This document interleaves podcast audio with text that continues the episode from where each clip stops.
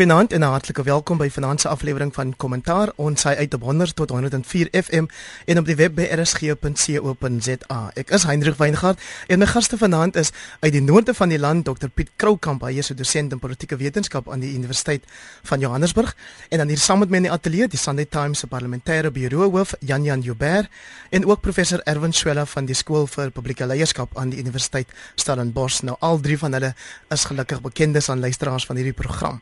Die stories wat ek vanaand saam met my paneelkundiges onder die loep neem is die volgende. Eerstens, die moleste op ons land se kampusse. Ek dink daar is min of meer 10 kampusse waar ons die afgelope tyd 'n moeilikheid gesien het. Ons tweede storie is die verwikkelinge met die Lily mynramp in Mpumalanga en wat dit vir mynveiligheid beteken. En dan vir ons derde storie gaan maak ons se draai in die buiteland, spesifiek in Uganda, maar dan ook in Amerika. En dan laastens vra ons regeer president Jacob Zuma nog as gevolg of na aanleiding van die afgelope week se debat oor die staatsrede. Luisteraars is welkom om al voorstelle en eie kommentaar op die program en nuusgebeure aan my te stuur by hein.w@mweb.co.za of op my Facebook bladsy met die naam Heinrich Weingart. Kom ons val wag, kom ons val weg en ek vra vir jou uh, Jan Jan Joubert om inleidend vir ons jou indrukke te gee oor wat tans op die land se kampusse aan die gebeur is. Alles behalwe wat jy verwag aan die begin van 'n akademiese jaar sou ek reken. Goeienaand Heinrich en goeienaand luisteraars. Ja, ek sou sê, um dit gaan nie baie goed op ons land se kampusse nie. Dis seker een van die gemaklikste goed ooit om te om te beweer. Maar um ek dink daar's omtrent 10 universiteite op die oomblik waar dinge baie sleg gaan. Wil daarom sê my twee alma maters, die Vrystaatse Universiteit en Stellenbosch is deur die genade nog redelik stil. Maar waaroor dit gaan is dat die um fees must vol probleme van verlede jaar nooit werklik getakel is nie. Die president het op 'n onwettige manier gegaan en bo die kop van die rade van die universiteite wat hierdie dinge moet bepaal net besluit daar gaan geen um, toename in studentegelde vanjaar wees nie. Nou dit het die basiese um foutlyn in fees must fall nie aangespreek nie. Fees must fall het twee dele. Die een deel wil glad nie studentegeld hê nie en die ander een wil nie 'n toename in studentegeld hê nie. daarmee saam val dit natuurlik die hele must fall besigheid wat roads must fall en fees must fall en alles, ek weet nie wat nie alles nie moet val. Ook nou. Outsourcing must fall, ek weet nie wat op aarde alles moet val nie. Ek moet net nie die SAL val nie. Maar um die lank en kort is dat daar is um daar is in hierdie hele opset moet mense onthou dit gaan eintlik oor wat die studente en die linksgesinde studente sê is tekens van kolonialisme op kampusse. So wat nou hierdie week gebeur het by die Universiteit van Kaapstad is dat eintlik afgryslike dinge gebeur het soos die vernietiging van kuns en dan ook van eiendom ensovoort. sien daarom vandag die um, roads must fall mense spesiaal om bietjie terug te krabbel. Erwin Schwella Ons sal 'n nuwe stel waardes moet kry en ek dink ons sal moet gaan 'n herbesoek bring aan die basis van grondwetlikheid in Suid-Afrika. Dit is nou op universiteite, maar universiteite is nie die enigste instellings nie. Ons sien dieselfde soort foutlyne en konflikte binne die parlement. Ons sien dit binne staatsinstellings, ons sien dit op allerlei plekke binne die media. En ek dink wat ons die hele tyd hier sien is 'n uh, vorm van reaksie op uh, mense wat dan een of ander kwessie het en dan reageer leierskap. Uh en reaksie is is reaktief. Dit is die prinsipe van reaksie. So ons sal op 'n manier 'n groep leiers moet kry en 'n groep instellings wat sê hier is die stel waardes en as die waarde grondwetlikheid is wat eintlik die eh, soewereine waarde van hierdie land behoort te wees, dan moet ons gaan sê hoe raak hierdie gebeure in elke geval mense se grondwetlike regte en dan moet daar behoorlik opgetree word met gelykmatigheid na alle kante toe. Want solank as wat ons situasie sê het waar daar voortdurend 'n uh, 'n uitkalwing is van die grondwetlikheid, dan kan ons verwag gaan dit die groter tendens word. En meer en meer gaan mense sê as ons die grondwet op hierdie of daardie punt kan ignoreer, uit die aard van die saak is dit dan makliker om te sê die volgende stap is ons gaan nou op 'n ongrondwetlike wyse sê nou maar toelaat vir uh, genade dood. Op 'n ongrondwetlike wyse so elke groep wat hard skree en kan mobiliseer al is hulle 'n minderheid kry dan die vermoë om 'n om 'n bepalende invloed uit te oefen op 'n op 'n stel gebeure wat almal se belange raak en waar hulle belange die voorkeur kry. Ons sal 'n neutrale punt moet kry. Die grondwet is natuurlik ook nie volledig neutraal nie, maar ten minste is dit iets waaroor ons ooreengekom het en dan moet almal daarna toe teruggaan en werk van daai daai beginselbasis af. Anders gaan ons voortdurende moeilikheid hê en 'n uitkalwing van die grondwetlikheid en uiteindelik in 'n vorm van anargie en mob rule beland. Piet Krokom Ja, ek ek is baie versigtig om uh om te praat van ons onderus by ons universiteite asof al die universiteite presies dieselfde probleme het. Ek weet by Tikkies, mens kan sê daar's daar's 'n onderliggende verbandhouding, dit is so, maar by Tikkies byvoorbeeld is die taalkwessie by uh Pots dink ek is dit die feit dat dit 'n oorwegende wit kampus in Potchefstroom is uh, by uh, in die Kaap praat ons van kolonialisme en behuising en in Stellenbosch is dit blackfacing. Nou hierdie goed het alles 'n bietjie met ras te doen, dit alles 'n bietjie met kolonialisme te doen. Maar ek dink mens moet as mens dit wil werklik verstaan, moet 'n mens miskien individueel van hierdie met hierdie geval almal individueel kyk, want ek dink elkeen van hulle het sy eie natuur, eie agtergrond. Uh by by by by tikkies het ons nou onlangs 'n verslag gesien wat byvoorbeeld sê dat eintlik net 17-18% van die studente wat daar geregistreer is verkies. Selfs een van die van die van die Afrikaanse studente is maar iets is is is, is 'n baie klein groepie wat werklik nog verkies om Afrikaans uh, akademiese onderrig te kry. So die vraag is by my, jy weet, is dit nie miskien 'n legitieme behoefte wat dan ontstaan omdat die Engels moet dat dat tikkies moet uh, met met vir Engels nie. Stellenbosch is die demografie waarskynlik 'n bietjie anders ter verstaan en die argumente is anders.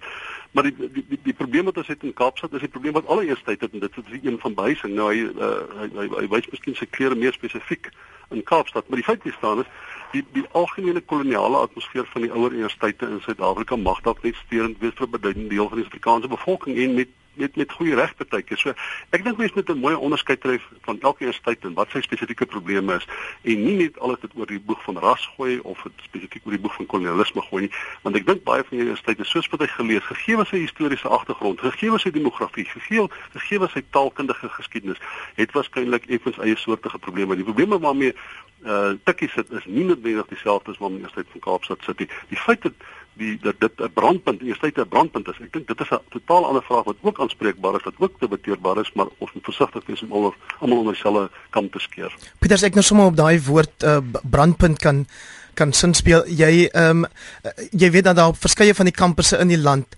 tans brandstigting plaasvind of dit nou voertuie is of dit nou geboue is en dan die nuutste natuurlik die kunswerke daar by Universiteit van Kaapstad. Is dit vir jou 'n aanvaarbare wyse om woede of dan ongelukkigheid met kos of blyplekke wat dit ook al mag wees te, te aan te dui? Nee, die die aard van saak weet is is dit nie vir my aanvaarbaar. Ek dink daar's 'n ander dimensie wat 'n mens ook moet noem. Uh, uh jy moet onthou dit is verkiesingsjaar uh, en jy sal sien dat baie van die kampusse waar die EFF spesifiek probeer om 'n politieke ruimte vir hulself oop te kalwe, is die mate van verdraagsaamheid wat wat tussen die partye bestaan, die mededingende partye bestaan waarskynlik 'n bietjie minder as ons graag wil hê. Dis ook die kampusse waar die politiek oorspoel na die universiteite toe van buite af waar die waarskynlikheid van geweld 'n bietjie en en en vernietiging dalk 'n bietjie groter is as op ander kampusse. Uh so ek ek dink dis 'n baie baie komplekse som. Ek ek ek dink nie vir oomblik kan 'n mens goed praat dat daar geweld is nie. Mens kan nie oor die vernietiging goed praat nie. Maar ek dink mens moet 'n bietjie kyk na die sosiologiese agtergrond van die ding ook. As ek net vinnig 'n punt kan noem.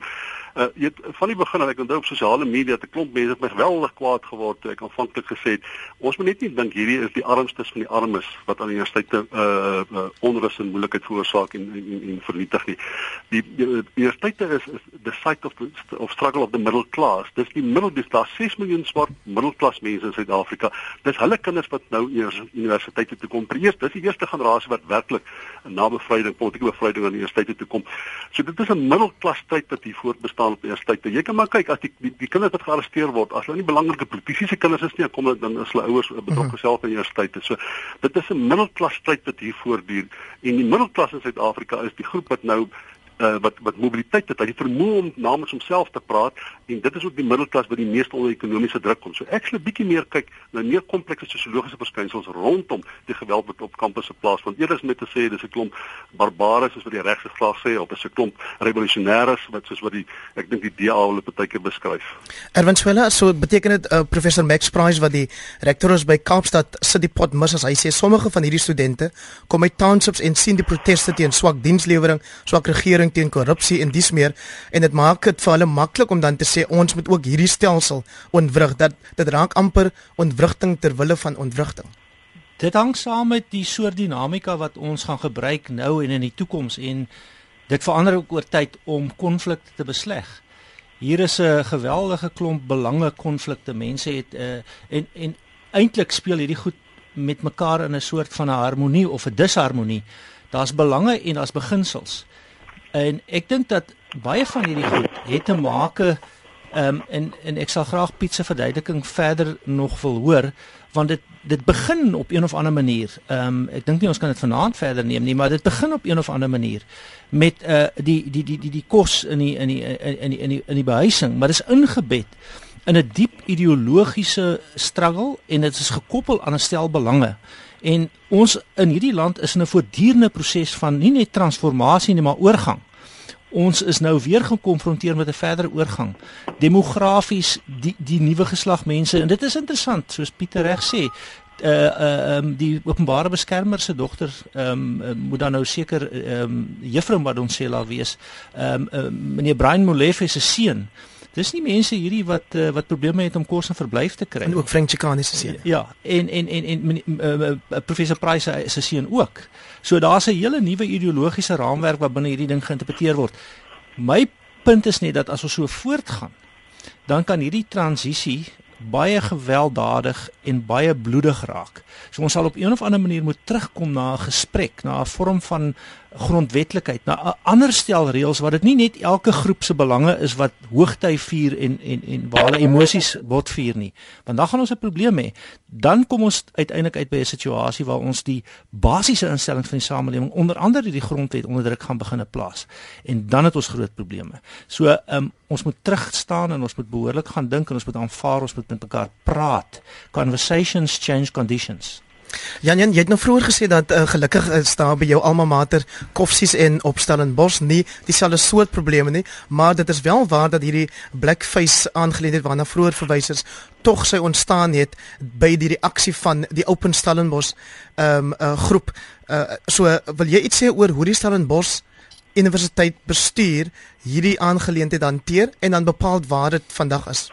nie verskriklik nie om die eerlike waarheid te sê want ek het nogal begrip vir professor Wim de Villiers se posisie ek uh, besef ek sien op sosiale media dat hierdie spesifieke standpunt van my nie veel simpatie gaan kry nie maar um, ek uh, dink eintlik dat hy um, dat hy is in 'n bitter moeilike situasie en ek dink dit dit sal skakel met wat ek wel hieroor wil sê Heinrich en dit is dat dat ek dink dit raak nou hoogtyd vir mense om op te hou skree en te begine luister want dit lyk vir my elkeen staan op sy eie mishoop en skree so hard as wat hy kan. En niemand luister na wat kan ek dalk anderster doen om die ander uh, jy weet um, om nader aan die ander te beweeg nie. Nou in ons Koran die Sunday Times vandag is daar 'n uitstekende artikel werklik waar meesterlike artikel deur Joel Netshitenzi die um, groot Mbeki man. En daarin sê hy 'n paar belangrike goeters wat ek dink hierdie debat uiteindelik 'n bietjie vorentoe vat waar almal nie net skree my kind word te nagekom en jou kind word te nagekom nie. Um hy sê twee dinge wat belangrik is. Die eerste is hy sê dit lyk asof die konsensus van 1994 besig is om nie meer die konsensus van nou te wees nie. Um dit is 'n geweldige belangrike punt wat ons kan sien, maar wat ons moet verreken. En die tweede ding wat hy sê, hy noem sy stuk pick up the black man's burden. Dis natuurlik 'n speel op die hele um Rudyard Kipling pick up the white man's burden wat die basis van kolonialisme is. En hy sê die las op swart mense is om beter te wees as dit. Hulle moet hulle moet nie net sê ek wil so goed wees soos wit mense nie. Hulle moet sê ek wil beter wees. Ek wil 'n nuwe stel menslikheid daarstel. Ek wil nie net kla nie, ek wil oplos. Daai tipe ding. Jy moet dit regtig gaan lees as jy kan. Skitterende skitterende stuk werk. Dit is die stem van Jan Jan Joubert, hy is van die Sunday Times. My ander gaste op kommentaar vanaand is professor Erwin Swela en op die telefoon het ons vir Dr Piet Kroukamp. Nou Piet, ek wil vir jou vra, ek weet nie tot hoe mate jy aandag gee aan die mynramp by die Lily myn in Mpumalanga nie, waar drie mynwerkers na daar steeds vasgekeer is nie. Die nuutste daar is dat die boor wat gebring is, ek dink gister om 'n alternatiewe roete na die vasgekeerdes te, te boor, ook nou intussen gebreek het en die operasie dus weer tot stilstand gebring het. Ja, ek ek dink daar's dit lyk asof almal aanvaar dat die die drie persone wat nou nog uh, onder in die myn vasgevang is, waarskynlik nie meer kan oorleef nie. Dit sal hulle hulle in 'n ek weet 'n Engelse container, as die woord hulle gebruik, hulle is daar vasgevang. Uh daar waarskynlik voedsel en suurstof tekorte aan die kort. So ek dink die myn het aanvaar dat help nie ons probeer meer 'n reddingspoging nie. Ons moet op hierdie stadium is dit belangrik dat ons uh uh by by die by die mense uitkom en dat ons uh, net aan die families en die naasbestaanes 'n vorm van uh volledigheid gee van die prentjie van uh waar ons is. Maar wat my interessant is van uh van wat daar gebeur het, is die eerste keer in in baie jare wat ek uh, nie daar nie 'n spesifieke spanning tussen die vakbonde, die mynbestuur en die regering bestaan nie. Asof al drie die groepe redelik in harmonie met mekaar saamwerk en weet met die met die minimum spanning in 'n poging om om die situasie te beredder en en te verduidelik. Uh, so ek ek ek dink dis 'n uh, dis vir die eerste keer in 'n lang tyd dat ek sien wat daar 'n fokus is dat uh, daar 'n spesifieke aksie moet uitgevoer word en dat dit nie gaan oor op een of ander politiek ideologiese verdelingslyne tussen die vakbonde die weet uh, in die staat en in die bestuur van die myn nie. Ja. Uh eventueel jy sou saamstem dat vanuit 'n publieke leierskap uh fokus is dit seker goed om te gesien het in die eerste plek uh Joseph Matunja van Amko was daar. Die president het in sy repliek op die staatslede debat ook verwys na die ramp. Dit is so dat dit is 'n absolute tragedie. 'n Mens kan jou eintlik moeilik indink hoe dit die mense moet raak um, om by 'n mynramp te staan en jou geliefdes is in die in die skag af en mense uh, probeer hulle red en dan loop daar nog 'n klomp dinge verkeerd. So dit is absoluut 'n tragedie. Terselfdertyd moet 'n mens dan ook sê ons moet gaan kyk na mynveiligheid in die algemeen. Ehm um, ons moet gaan kyk na en interessant genoeg as jy gebrekkige intermenslike verhoudinge het, is daar beduidende aanduidings dat hierdie soort van dinge waar daar konflik en spanning is, word die voorkoms van ongelukke en probleme groter. So op 'n of ander manier moet 'n mens dan gaan kyk uit 'n tegnologiese hoek, maar jy moet ook dan gaan kyk uit 'n menslike hoek en na die sosiale dimensies daarvan. Ons sal uh, mynveiligheid moet verbeter, ons sal die verhoudinge op die myne moet verbeter en dan terug by jou aanvanklike punt Heinrich, dit is in effek 'n leierskapstaak. Dit is om van die wêreld 'n beter plek te probeer maak om om die idees daarvoor te hê en om die inspirasie daarvoor te skep. En dit het te maak met verbeterde tegnologie, met verbeterde standaardprosedures, met verbeterde optrede nadat rampe plaasgevind het, met vertroosting, met empatie. Al hierdie dinge is 'n leierskapsfunksie en leierskap in hierdie land moet eintlik hulle self herontdek in terme van hulle koppe, hulle harte en hulle hande. Dit wil sê 'n denkende, 'n doenende, maar ook 'n emosionele leierskap. So ons sal mekaar moet begine omarm en die ander begine in intrek in die in ons eie lewenswêrelde. Ja, dit is dit is waar, dit is baie waar wat Erwin sê, maar in die spesifieke geval het daar nog geen indikasie dat daar noodwendig nalatigheid van die myn was en die waarheid is hierdie myn het 'n baie baie goeie geskiedenis wat veiligheid aan betref. So ek dink op hierdie stadium mens moet so aanvaar dat die mynbedryf is 'n geweldige gevaarlike omgewing om in te werk en grondverskywing is een van daai goed. Ek dink die tegnologie wat ons het in Suid-Afrika is van die beste in die wêreld om grondverskywing op te tel met anderwoorde voor die ongeluk gebeur. Maar soms is dit absoluut onmoontlik. Nou uh, tot dusver is daar geen indikasie dat die dat die mynbestuur noodwendig nalatig was wat dit betref nie. En uh, ek, ek dink die ondersoek moet nog afgehandel word, maar tot dan toe moet 'n mens versigtig wees om vuur te stook deur te sê maar dat daar was waarskynlik 'n nalatigheid of ons het nee, ek dink nie iemand het dit gesê nie. Nee, nee, ek dink nie ek dink nie sê so nie. Ek dink nie nee. ek sê ek ek briefstaan dink ek tot tyd terwyl die teendeel bewys met hou hulle die voordeel van die twyfel gee, ja. want dit wat ek gelees het in die verslae en die, die uh, gesprekke wat ek gesien het, het daarop gedui dat die, die myn het 'n baie goeie geskiedenis en hulle het groot moeite gedoen en baie tegnologie aangewend en baie koste aangegaan om grondverskywing wanneer dit vooraf gebeur om dit op 'n of ander manier uh, te probeer beperk en en en, en vooraf te kan verstaan en te lees. Dis dan jy so hoekom mense hierdie ondersteunende atmosfeer ervaar van alle sektore. Jan Jan Joubert, daar's 'n tegniese aspek het Prof Swalla gesê daar's ook 'n menslike aspek. Ek wil ook nou 'n derde een inbring, dit is die finansiële of materiële. Maak dit werklik 'n verskil as geldelike vergoeding aangebied word soos wat die maatskappy Vantage Goldfields nou inderdaad doen met die aanbod van 4.4 miljoen rand aan die oorlewendes en die familie van die drie vasgekeerdes? Wel, ek bedoel, wat moet hulle anders doen? Die die weet die mense, die mense uh, met bitterlik seer gekry en en jy weet wat dikwels gebeur met mense wat spesifiek onder 'n spesifieke inkomste vlak is en vernaam wat nie geskiedenis daarvan het nie daai hele kwessie van strukturele armoede nê.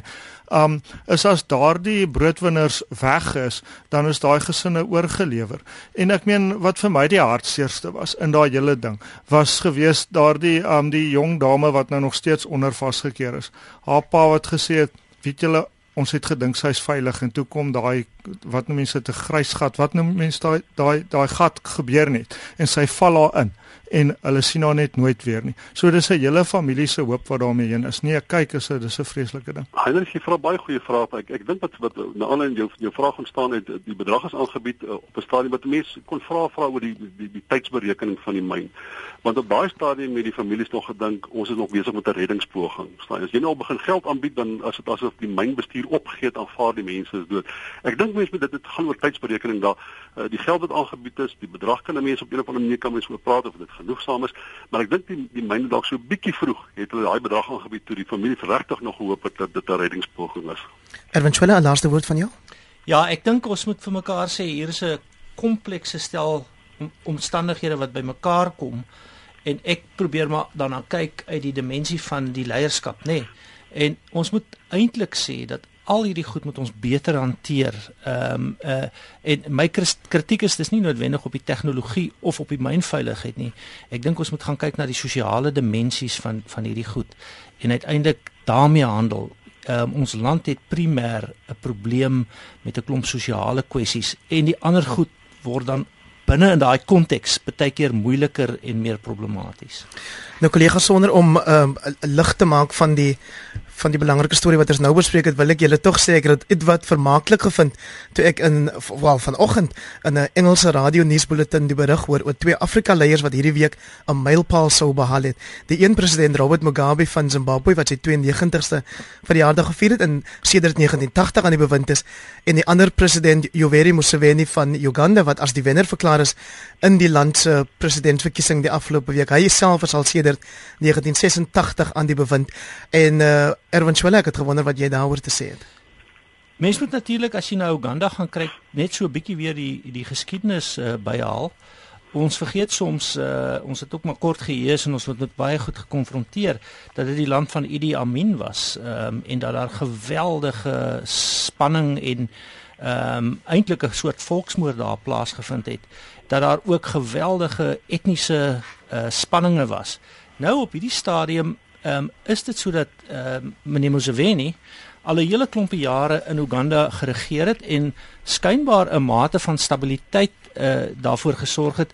Hy self uh, en dit dit bring eintlik 'n interessante vraag na vore op een of ander manier baie van die van die demokrasie in Afrika maar ook op ander plekke lei nie noodwendig altyd in die finale instansie na goeie regering nie. En daar's 'n interessante gesprek wat ek juist die week met een van my ou uh, dosente, een van Piet se ou dosente ook Jannie Gagayano gevoer het. En dit is hierdie idee van bringe demokrasie altyd die die die die beste elemente van regering na vore. Maar goed, so op 'n of ander manier het meneer Museveni ook steun. Nou die ironie is is dat hy waarskynlik die verkiesing in elk geval sou gewen het. Hy het die grondwet laat verander om homself 'n verdere termyn te gee. Dan word die vraag, hoekom het hy nou nodig om 'n uh, 'n uh, 'n organisasie soos die Crime Preventers te skep wat eintlik maar sy breinhemde is? Ehm um, hoekom het hy nodig om met met soveel uh kom ons sê dan nou maar ehm um, 'n vorm van van uh, magsverheerliking dinge te doen. Um, en dit is vrae wat ontstaan. Hy het uiteindelik die verkiesing se uitslae is nou bekend, 61% gewen en hy is weer verkies. Uh terselfdertyd moet 'n mens sê dat sy sy teenstander toevallig die persoon wat vroeër jare sy mediese praktisyn en sy dokter was uh tydens sy bevrydingsstryd, um uh, 'n man met die naam van uh, uh Lisa Bezeki. Ja, ja, ja Bezeki. Moeilike naam. Moeilike naam. Uh die is dan nou ook al die derde keer of die vierde keer in 'n verkiesing. Hmm. En ek dink die die vraag is net um kan ons nie in in in Afrika en ook in ander plekke ek ek wil nie altyd Afrika uitsonder nie maar net begin om te sê dat 'n mens kan hierdie goed doen met 'n bepaalde styl met 'n bepaalde soort van 'n uh, pathos of omgee vir mense. Hoekom moet die goed gepaard gaan met geweld met met met uh vigilante groepe met breinhemde um, soos in die geval meneer uh, uh Museveni se se groep uh, hulle noem hulle self die protectors as ek dit reg het. Mhm. Ehm uh -huh. um, die crime preventers. Ehm um, hy kon die verkiesing gewen het. Hy sou hom waarskynlik ook gewen het. Miskien nie met 61% nie. En op die manier dink ek het ons nou 'n oorgang. Ons weet ook dat in die proses het 'n paar dinge in die slag gebly. Sosiale media vryheid het in die slag gebly. Ehm um, die uh, Dr. Kisege is 'n paar meer 'n paar keer toegesluit. Ja. Hoekom moet dit so gebeur? Kan ons nie kan ons nie makliker gemakliker prosesse kry. Kom ons hoor of Piet Kroukamp hierdie storie van daai Boet Johannesburg het dophou? Ja, dit uh, daar's twee goed wat vir my uh, belangrik is. Die een is dat uh, ek sien die Europese Unie en sowel as die Amerikaners het uh, gesê maar hulle dink nie dit was kom ons noem dit maar in die konteks van die van die konsep dat ons die beste verstaan was nie noodwendig vry en regverdige verkiesing nie. Ek het behalwe as jy iets opgetel het, ek het nog nie gehoor wat die Afrika Unie daaroor gesê het nie. Nee, hulle is doodstof. Ek wil baie graag hoor wat die Afrika Unie sê want uiteindelik is dit vir my baie belangrik wat die Afrika Unie sê. Dis nie my belangrik wat die Amerikaners sê nie en ook nie wat die Europese Unie sê nie, want ek vermoed daar's 'n bepaalde stigma in hulle uitsprake wat verkiesings in Afrika betref en enige. So ek sou baie graag wil hê ons moet self uitspraak maak ek sou graag wil iets wil oor wat die Afrika Unie sê.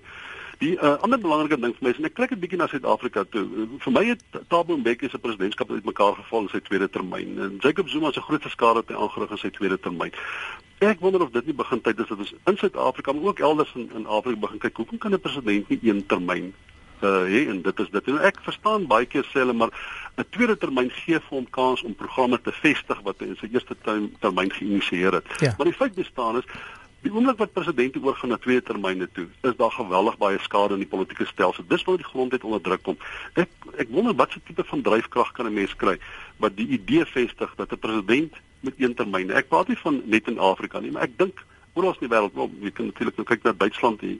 Jy kan af en toe Angela Merkel doen 'n baie goeie taak en sy is al 'n hele paar jaar daar. Maar die feit bestaan, ek dink vir alle nuwe demokrasie, ongevestigde demokrasie soos ons, moet 'n mens maar kyk Hoekom kan daar nie net een termyn wees nie? Want dan kan 'n president die minste skade aanrig en jy het 'n kans om weer te herstel as 'n as mense aanvaar 'n politieke pendulum swaai van swak regering na goeie regering oor tyd dit dit dit gaan nie altyd sleg nie. Partyke swaai terug en dan is weer beter regering. Dan jy beter kans dat daai pendulum na goeie regering toe terug sal swaai as 'n president net een termyn het. Want Museveni sit daar van 1986 af.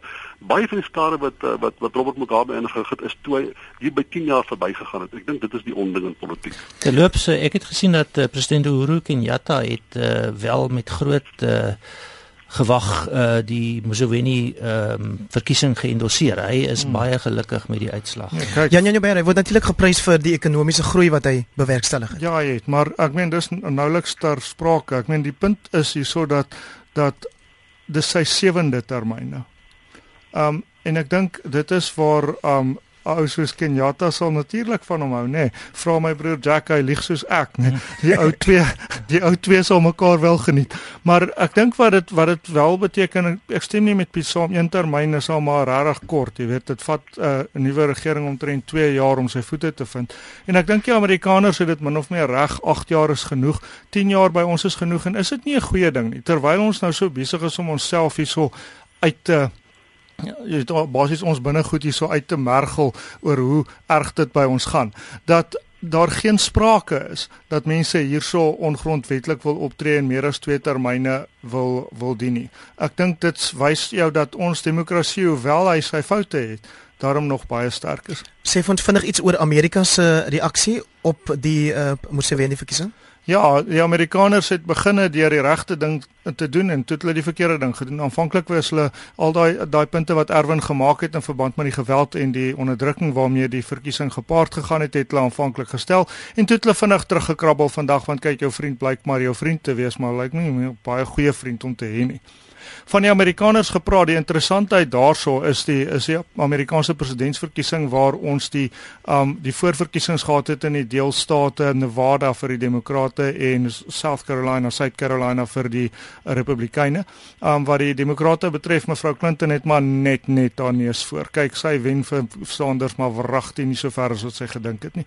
En dan wat uh, die Republikeine betref, lyk dit asof Jeb Bush het nou uitgeval, so dit gaan bietjie van daai gematigde steun wel sover as wat die Republikeine gematig kan wees. Nou Marco Rubio toe laat gaan, hy het weer beter gedoen daar aan die syde. Hulle kom nou nader aan sy eie staat Florida en vir die res is dit nog steeds die taamlik ver regse amper mal ver regse Donald Trump en um Ted Cruz. Um as hulle inkom kan die Republikeine vergeet om te wen.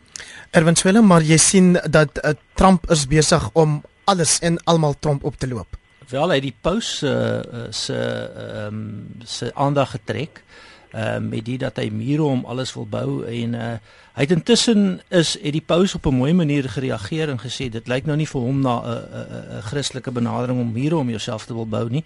En hy het natuurlik toe nou weer die paus verder uh, uh as dit ware gerepedieer. Ehm um, uh, kyk, laat ons sê hierdie is 'n baie interessante Amerikaanse verkiesing. Aan die demokratiese kant uh is dit baie gelyk op, maar um, ek sou aanneem dat ehm um, uiteindelik gaan mevrou Clinton dalk met 'n kort kop wen. Ons weet nie, maar ons sal moet sien. Aan die, die Republikeinse kant is daar so 'n spektrum van kandidaate. Daar's 'n interessante ding wat ek ehm um, in analises gesien het. Vinnig die punt maak. Hulle doen groot data-analises en van die groot data-analises sê dat die belangrikste, een van die belangrike punte boonbehalwe die feit uh, van gesondheid en en en Obamacare en gun control, al die dinge is die Amerikaanse bevolking se siening van regering. Ons is baie negatief teenoor ons teenoor ons regering en dit klink asof die Amerikaanse bevolking glo dat Washington is so min of meer die slegste ding in die wêreld um, wat jy kan kry. So daarom het Trump eintlik 'n goeie aanslag want want Trump sê jy weet die ou almal is verkeerd en die regering is ook verkeerd maar Trump gaan reg wees. So, en ek dink dit, dit dit gee vir hom 'n bepaalde uh, trefkrag. En ehm um, uh, maar dit is Jan Jan is reg as as as Donald Trump die kandidaat is vir die Republikeinse party gegee die demografie van die Amerikaanse kieserskorps kan kan kan die Republikeine dit nie wen nie. Maak nie saak wie die demokratiese kandidaat. Piet Krokam het gaan dalk moeilik wees om aan Trump jou idee van 'n eentermyn presidentsie te verkoop, maar wat maak jy van wat daar aan die gang is? Ja, ek ek wil dan sê een van die goed waar ek met wat uh, as ek net vir 'n oomblik daarna kan verwys is, jy moet onthou hier in, in in ons deel van die wêreld uh, kan 'n politieke party vir 21 jaar of 26 of 30 jaar regeer. En in daai konteks as jy dan wisselende uh presidente kan hê wat net een termyn staan dan die darme kans dat binne daai bepaalde politieke party kan daar soms 'n bietjie regimeverandering plaasvind. Ja. Uh, ek ek aanvaar in Amerika waar jy dan die Republikeine dan die Demokrate wat regeer sal waarskynlik 'n bietjie moeiliker wees, maar om terug te gaan na, na Amerika toe.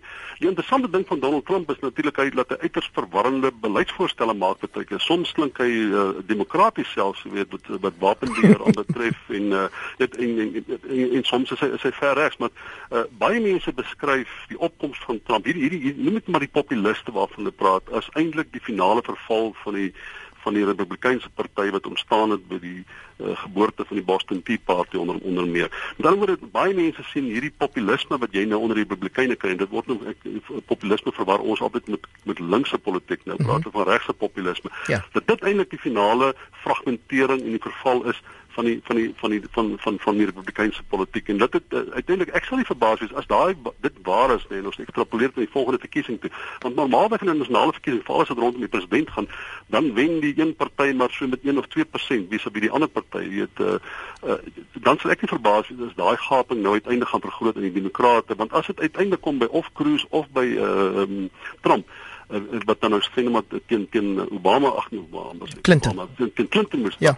dan dink ek vir die eerste keer in die geskiedenis kan jy 2 en 3 en 4% verskil kry in die uiteindelike verkiesing omdat as dit waar is dat daar 'n stelselmatige verval binne die Republikeinse party besig om te ontstaan en dan hierdie populisme groei in daai verval. Nou ja, terwyl ons in Tansanië 'n nuwe president John Magufuli het wat korrupsie vasvat, staatsamptenare wat korrup is afdank, die kabinet gesny van 55 na 34 en dis meer het ons hier in Suid-Afrika die groot vraag wat eers daaroor president Jacob Zuma gevra word, regeer hy nog? Wel ek dink Sam Kokele het dit beste gestel in die business day in Desember. Hy het gesê they've they've belled the cat. Ek het nie daai uitdrukking geken nie, maar hulle het vir hulle het basies 'n um 'n klokkie om die kat se nek gesit. Met ander woorde die president is is um onbewind maar nie in beheer nie.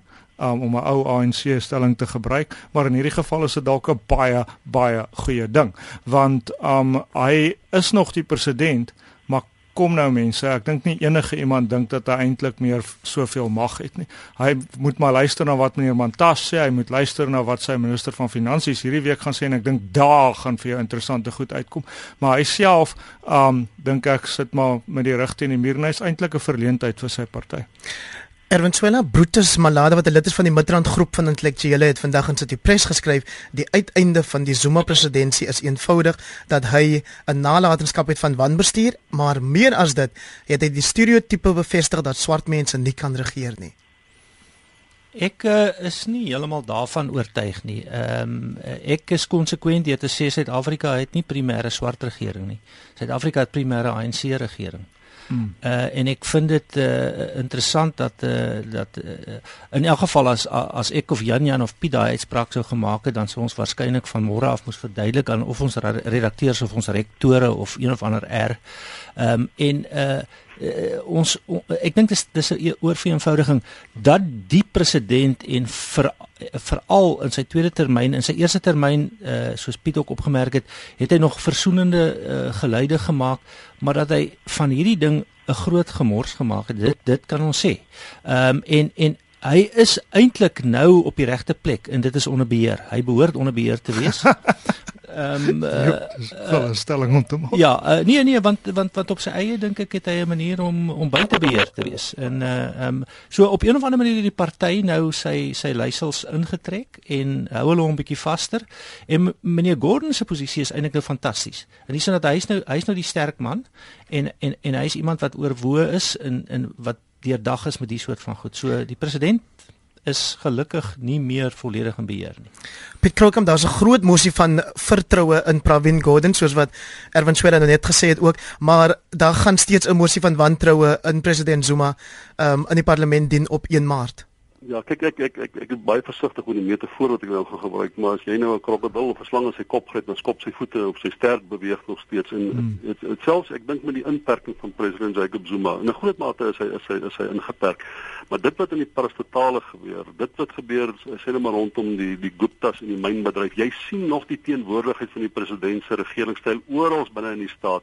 Uh so dit gaan jy jy kan nou vir president Zuma verwyder as jy wil, maar dit jy moet net omdat sy teenwoordigheid sistemies geword, die die patronaatskap het sistemies geword. En selfs al vervang jy môreoggend met 'n nuwe president, kom ons veronderstel dit is uh Cyril Ramaphosa, dan gaan dit dan waarskynlik 2, 3, 4 jaar vat om die destruktiewe teenwoordigheid van die opportunistiese bestuur van Jacob Zuma op 'n of ander manier uit die stelsel uit te werk. Maar daai opmerking wat iemand gemaak het van dat dat uh, Zuma nou 'n teken is dat swart mense nie kan regeer. Wat wat 'n absolute bloody snert is dit nie. Jy? Ek kan vir jou nou 10, 15 mense noem reg rondom Zuma wat ek dink briljante leiers kan wees. Wat hierdie mhm. land behoorlik kan bestuur. En hulle is ook net soveel slagoffers van die swak bestuur van Jacob Zuma as wat ek en jy. Dit is om die waarheid te sê selfs nog meer so. So dit is 'n absolute sterk uh, opmerking te maak. Die feit bestaan is ons sit met 'n ANC wat gewellige onbestendigheid, gewellige middelpunt vliegende kragte en wat met die tyd het 'n bepaalde faksie en ek weet hulle haat daai woord in die parlement en die spreker blykbaar ook of 'n bepaalde faksie in die, in die ANC het beheer oor die party gekry en ek dink dit is waar die regte skade lê. Ek het geen twyfel daaroor dat die ANC die vermoë om hierdie land effektief te bestuur nie. Ek is weer staan dink ek die magstryd binne die ANC het uh, het, het, het, het, het, het daartoe gekom dat president Zuma se se faksie die sterkste is.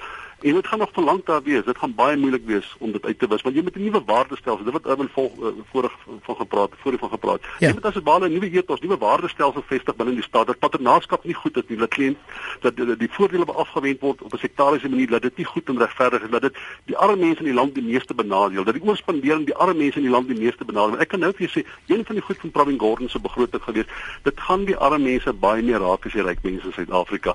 Daar was onlangs 'n stukkie data wat opgewys het die hoër middelklas in Suid-Afrika het ten spyte van die uh, van die geïnhibeerde ekonomiese groei, die verlangsaming in die ekonomie oor die laaste 7 jaar hulle besteedbare inkomste met 22% verbeter.